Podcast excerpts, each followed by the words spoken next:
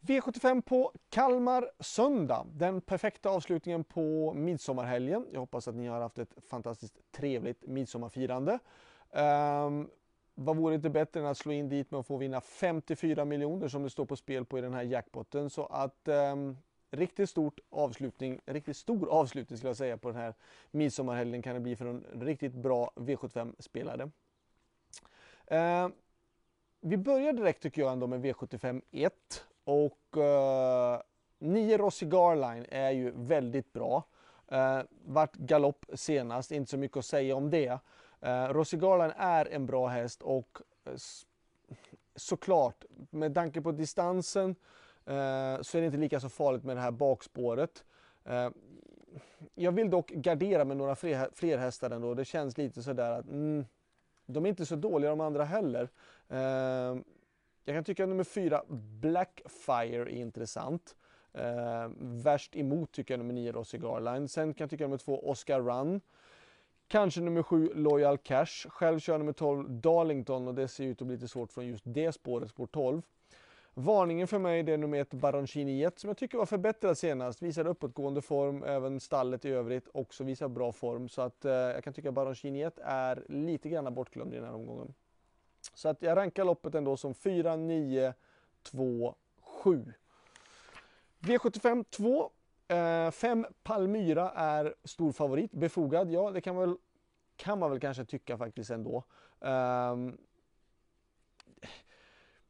jag skulle säga så här, ska man gardera Palmyra då krävs det väl ganska så många streck. Eh, det är klart att nummer 9 Real Scotch är ju, har ju varit väldigt bra, kommer med massa raka segrar och gått väldigt bra. Eh, men den har bakspår och jag tycker i övrigt är ett väldigt jämnt lopp. Utan jag tycker nummer 5 Palmyra är den som är spikförslaget. Uh, värst emot nummer 9 Real Scotch. Själva med nummer 7 Ove Palema som känns bättre och bättre för varje lopp. Uh, haft omöjliga utgångslägen tycker jag och uh, har inte så lätt spår den här gången i och med att vi har utanför till exempel då Palmyra som jag har innanför. Så det är, det är, svårt att komma till. Men han verkar bra. Varningen tycker jag nummer fyra Kabas. Jag körde den för ett antal starter sedan där och tycker att det var ganska så fin häst Kabas. Eh, har inte vunnit efteråt men jag tycker att det är en häst som kan, kan utmana om det blir lite överpace eller händer någonting med 5 och 9. V75 3. Uh, ni som vill ha ett litet system, ni kanske kan spika ett Iceland Falls med tanke på att den har de perfekta förutsättningarna med helstängt huvudlag, jänkarvagn, barfota, spår 1. Um, ehm, spår 1 på Kalmar är ingen fara att ha. Um, det är stor risk att den hästen leder runt om uh, och det kan vara en tänkbar spik. Värst emot, ja jag tycker att 4 Devs Daffodil är bra. Ehm, um, 7 Audrey Effe kändes bra senast på Åmål. Ja, ett tråkigt utgångsläge men hon är en av dem som kan, kan göra det ändå. Eh, sen då såklart då nummer 9 Digital Class som har varit jättefin i sina sista starter.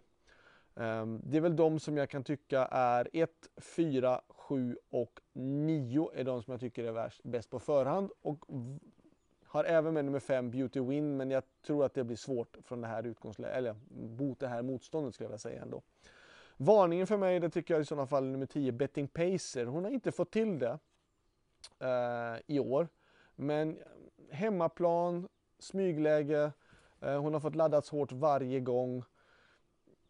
Skulle det bli någonting på något sätt, något tok i loppet, ja, Betting Pacer kan vara en rolig varning i alla fall. Hon har i alla fall varit ute och mött tydligen sådana som Carly Smart, Honey Miraz, Helia Dugotier. Eh, det är inga sådana hästar med den här gången. Men solklar första häst, ett Iceland Falls. V75 4, ett Whispering Hills känns bra. Jag har tränat henne lite snabbare intervaller, hon känns fin. Eh, jag tror att hon kan leda loppet runt om. Ehm, det finns motstånd, absolut. Bland annat har jag med nummer 8 Coco Chanel FS som jag tycker är en jättebra häst och jag hade svårt att välja vem av dem jag skulle köra. Ehm, nu är det ofta så att de som står på den främre volten står bra in i loppen och jag valde av den anledningen att köra Whispering Hills. Ehm, men Coco Chanel har jobbat väldigt bra, hon har gjort bra lopp på Vincennes i vinter. Eh, utan att ha fått vunnit, men hon har känts bra och det känns som en fin häst och hon har jobbat bra. Så jag tycker att man ska gardera med två hästar. Jag tycker inte man ska, ta, man tycker man ska glömma bort Coco Chanel FN då för att hon har tränat bra.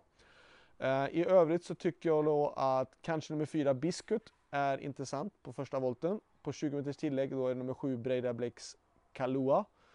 Coco Chanel FE och 9 Anastasia Tav. Um, det är väl de som jag tycker är mest intressant. Ska jag hitta någon varning där bakom så då är väl nästa häst in på systemet i sådana fall den här nummer 10, Maggiore i några fall skulle jag säga. V75 5.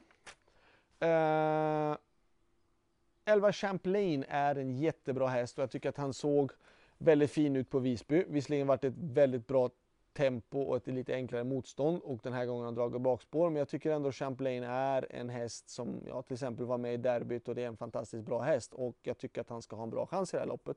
Um, 10 Raja likadant, var ju ute senast i självaste Oslo eh, Grand Prix uh, var det väl och um, eller nej, inte Oslo Grand Prix, ramloppet var det väl. Eh, men var ändå ute på den helgen, har gått ut och gått tuffa tider, gått jättebra hela tiden, var ju fantastiskt fin då när den vann på Elitloppshelgen. Uh, jag tycker väl att den är väl den första utmanaren till 11 Champlain. Uh, eh, 8 Rotate har tyvärr dragit ett riktigt tråkigt utgångsläge men han känns bra Rotate. Jag tycker att han är, um, han är på gång. Han känns fräschare, han känns bättre, han ser snyggare ut. Han verkar vara på gång in i form igen. Han har fått ett lopp i kroppen men han har också dragit det här sämsta spåret, spår 8.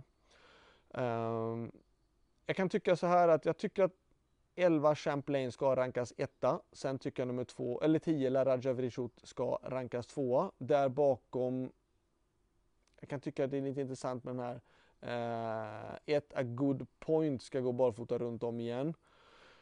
Um, Ska jag nämna någon varning mera, då säger jag 5 Adde SH faktiskt. Eh, den hästen har gått ganska så bra, gått på V75, gått bra.